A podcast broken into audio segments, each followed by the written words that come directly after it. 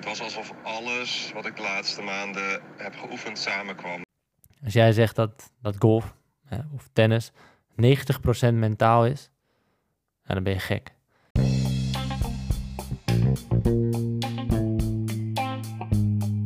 Welkom bij weer een nieuwe aflevering van de Tennis the World podcast. En dit keer weer een solo episode, een moment. Mijn naam is Hugo Straver en ik neem je mee in een aantal onderwerpen. Vandaag ga ik het met je hebben in deze aflevering over wat nou echt een eye-opener is geweest tijdens mijn tennis journey om afgelopen jaar, maar ook dit jaar gewoon te bouwen aan mijn spel en hoe ik dan van niveau 4 naar 3 ben gegaan. Gaan we het hebben over bewuster bezig zijn met je spel. We gaan het hebben over een momentje die mijn coachingklant heeft gehad, die ik heel waardevol vond. Dus niveau 8 speler. Nou, ik weet dat er heel veel van jullie rond dat niveau zitten.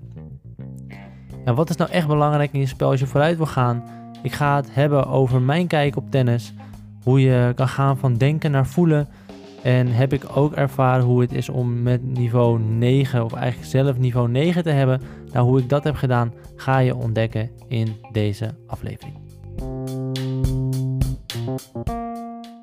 Vanuit de community kwam dus de vraag: wat is voor jullie echt een eye-opener geweest tijdens de journey om de rating te verhogen?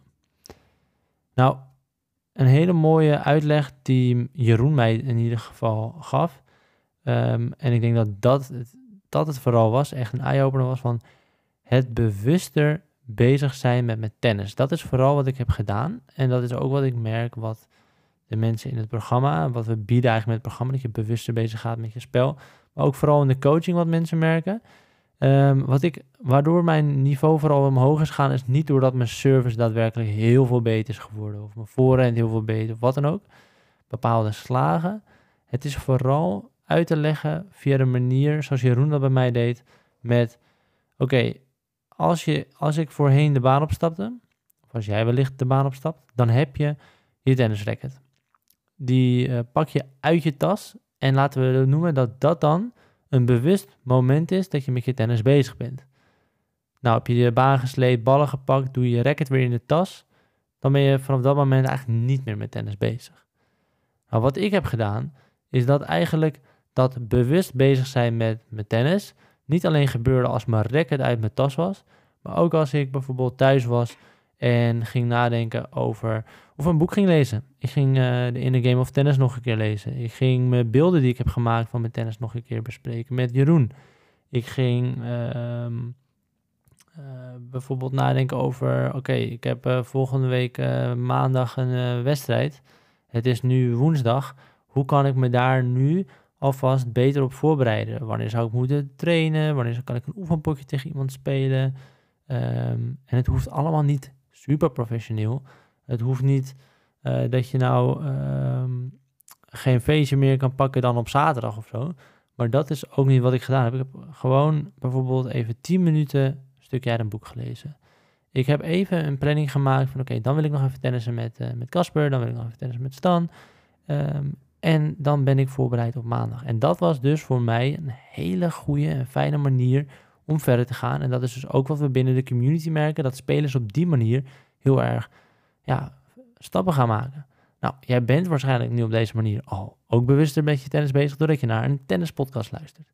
Dus goed bezig, je bent lekker bezig met progressie. En dat zijn dus ook de dingen waarmee je door moet gaan uh, om stappen te maken.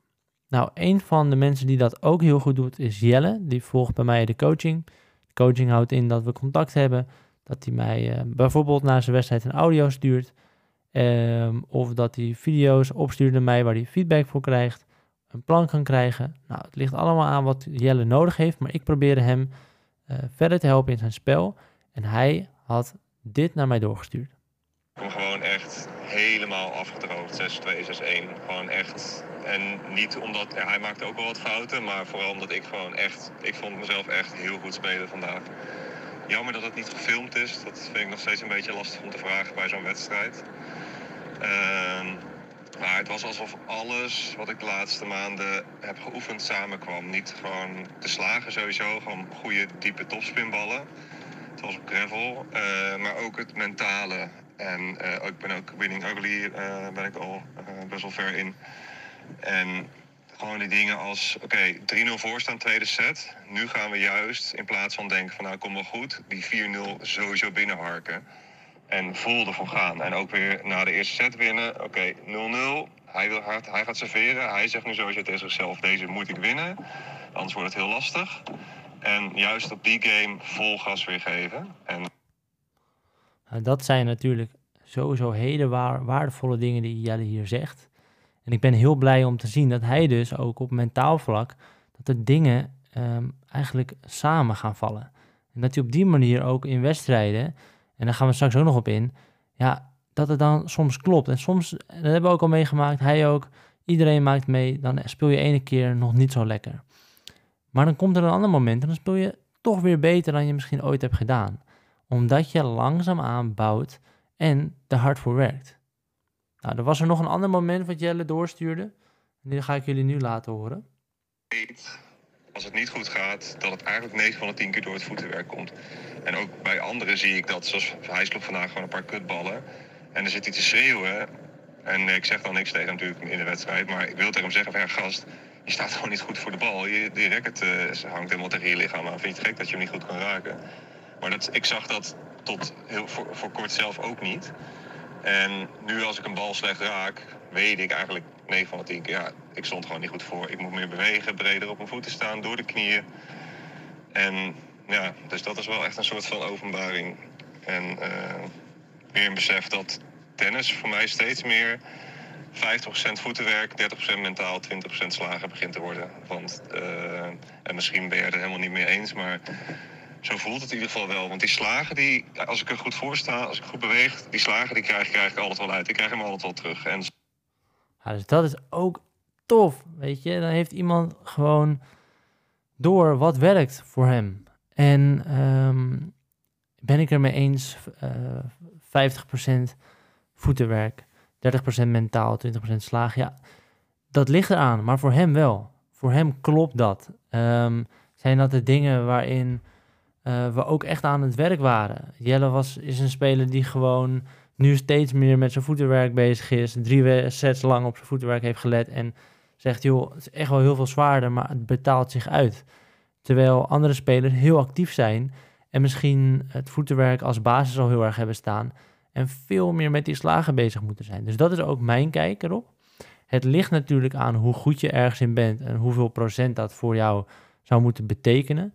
Ehm, ik krijg wel eens een opmerking, en dat kwam laatst op Instagram voorbij, van een golfcoach die zegt, als jij zegt dat, dat golf hè, of tennis 90% mentaal is, nou, dan ben je gek. En daar, dat vond ik een mooi moment dat hij dat zei. Want tennis is niet 90% mentaal. Golf is niet 90% mentaal. Want als dat zo zou zijn, dan ehm, ja, zou ik bewijs van winnen van Kyrgios. Het is natuurlijk zo dat als twee spelers van hetzelfde niveau, met dezelfde skills, met dezelfde vaardigheden tegenover elkaar staan, zoals hij daar ook zegt, ja, dan is het heel belangrijk dat je mentaal sterk bent.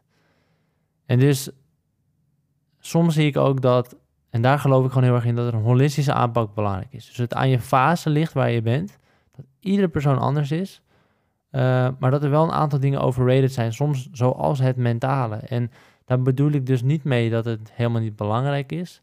Alleen het slaat nergens op om te denken van ja, maar het is mentaal hè. Ik moet gewoon mentaal sterker worden. Ja, misschien. Wat in ieder geval overrated is, vind ik, is het overanalyseren wat spelers doen van hun slagen. Ehm, over alle stappen nadenken. Hoe moet ik nou met mijn elleboog naar achter? Ehm, moet, ik, ehm, moet ik een spiegeltje maken? En dan moet ik daarna ook nog eh, daar eindigen, toch? Met zoveel graden. Eh, hoek van zoveel graden. En dan denk ik, wat? Waar hebben we het over? En dus dan zou ik zeggen, maak het simpeler voor jezelf. Maak het simpeler. Een van de belangrijkste dingen voor mij als trainer naar een speler toe, maar ook voor mezelf als speler en voor jou dus ook. Wil je toepassen, dan moet het simpel zijn. Dan wil je het simpel houden. Eh, dus ga niet je slagen overanalyseren. Analyseer datgene wat nodig is. Daar kan een coach je dus bij helpen, zoals ik daar Jelle bij help. Ehm, en is het vooral belangrijk dat je inderdaad goed voor de bal staat. Goed staan is goed slaan. En daarom denk ik wel een belangrijk om mee te nemen. En ook als we kijken naar de Wimbledon finale tussen Djokovic en Alcaraz. Ja, zijn zij heel erg bezig met hoe zij hun voorhand slaan? Nou, nee, want die hebben ze al zo vaak geslagen. Tuurlijk zijn er aanpassingen voor hun ook hier en daar. Maar ze zijn vooral onwijs veel bezig met het inschatten van de bal, goed voor de bal staan, voetenwerk. En dus dat vond ik een hele mooie. En als je namelijk wel te veel gaat nadenken over je slagen en hoe je dus van alles moet doen, het overanalyseren, dan, dan ben je aan het denken. Dan hoe ga je nou naar voelen? Ik heb laatst ook een wedstrijd gespeeld waarin ik uiteindelijk gewoon terugging naar wat voor mij de basis is. Ik ging voelen hoe, hoe ontspannen sla ik. Of ik ging ook voelen, ik ging horen, het luisteren, het geluid. Het geluid dat van mijn racket kwam. Ehm, ik ging ook bij mezelf checken of ik op tijd voorbereid ben. Maar niet meer dan dat soort dingen. En gewoon vooral voelen, hoe voelen de slagen die van mijn racket afkomen.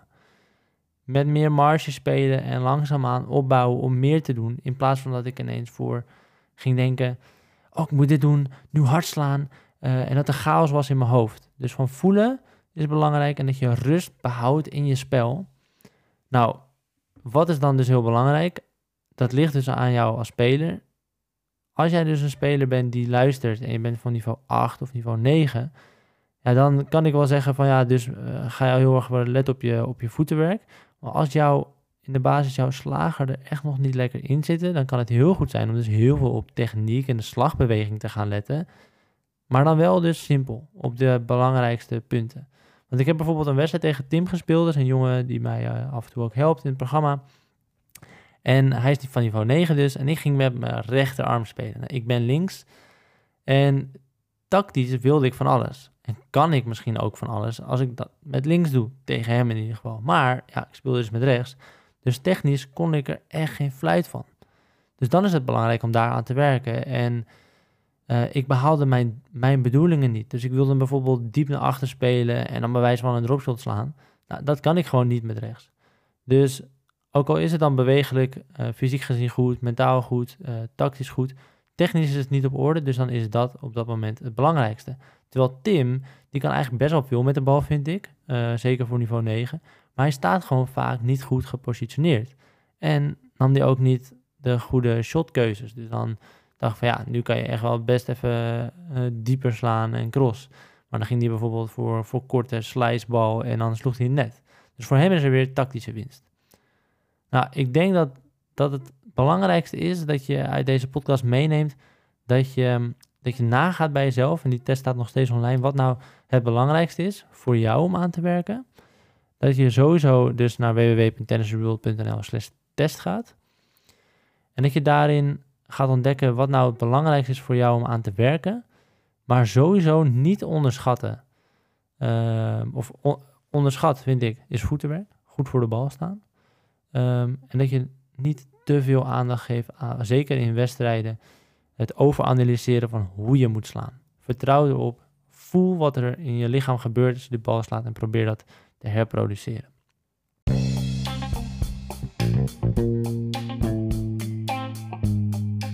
Ik hoop dat dit waardevol was, dat je hier wat mee kan. Uh, als je geïnteresseerd bent in online coaching van mij, uh, dan heb je op dit moment pech. ik heb even geen plek, uh, maar stuur een bericht, want er gaan ontwikkelingen aankomen. Ik, ik ga Tennis World niet meer in mijn eentje doen. Ik ga versterking krijgen en daar ben ik onwijs blij mee.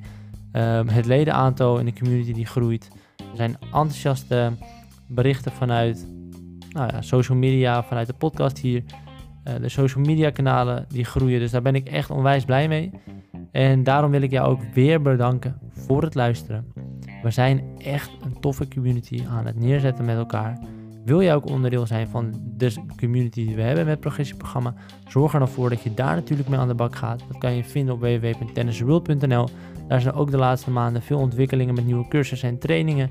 En zijn er ook veel evenementen in aantocht waar je dan aan mee kan doen als lid.